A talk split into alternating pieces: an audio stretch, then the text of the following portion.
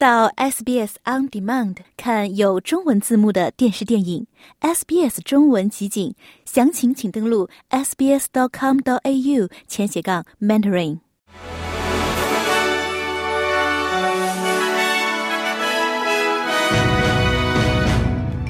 听众朋友您好，我是 SBS 记者刘俊杰，今天是二零二四年三月一日星期五。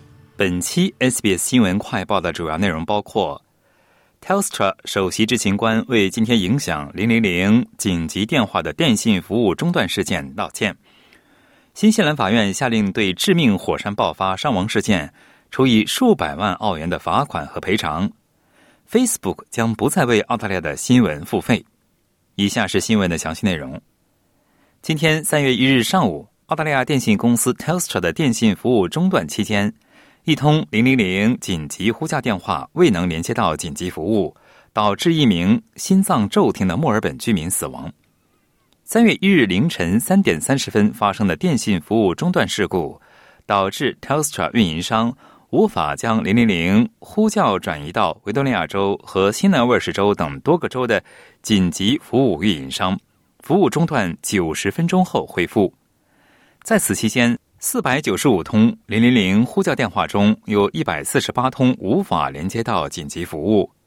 Telstra 首席执行官维基布雷迪表示，目前正在进行紧急调查，以找出故障原因，并将更新备用流程。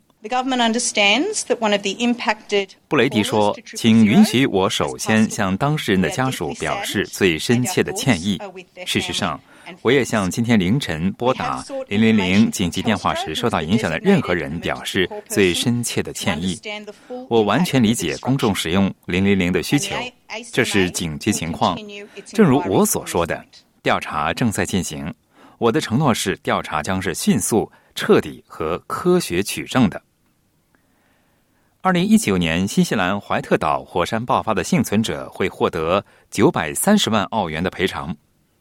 奥克兰地区法院法官伊万吉洛斯托马斯表示，这笔赔偿金将由怀特岛所有者瓦卡利管理有限公司、怀特岛旅游公司和直升机公司火山航空旅游公司支付。他宣布的罚款总额为二百四十万澳元。在那次致命的火山爆发中，有二十二人丧生，包括十七名澳大利亚人，另有二十五人受伤。脸书 Facebook 将不再为澳大利亚的新闻付费。拥有 Facebook 和 Instagram 的 Meta 公司表示，将不再与澳大利亚的新闻和媒体公司续签商业协议。这些协议会给媒体公司带来数以百万澳元计的额外收入。三年前，在要求技术公司为其平台上显示的新闻内容付费的法律出台后，Meta 同意为新闻付费。助理国库部长斯蒂芬·琼斯表示，他对这一决定感到失望。琼斯说：“这是 Meta 对澳大利亚的失职，对澳大利亚新闻业和新闻媒体内容的活力所做的贡献方面尤其如此。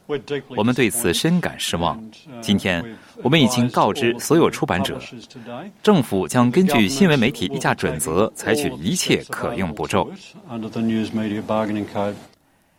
感谢收听本期 SBS 新闻快报。在任何播客平台搜索 SBS 普通话，点击订阅，开启消息提醒，即可了解澳洲国内外新闻及社区信息。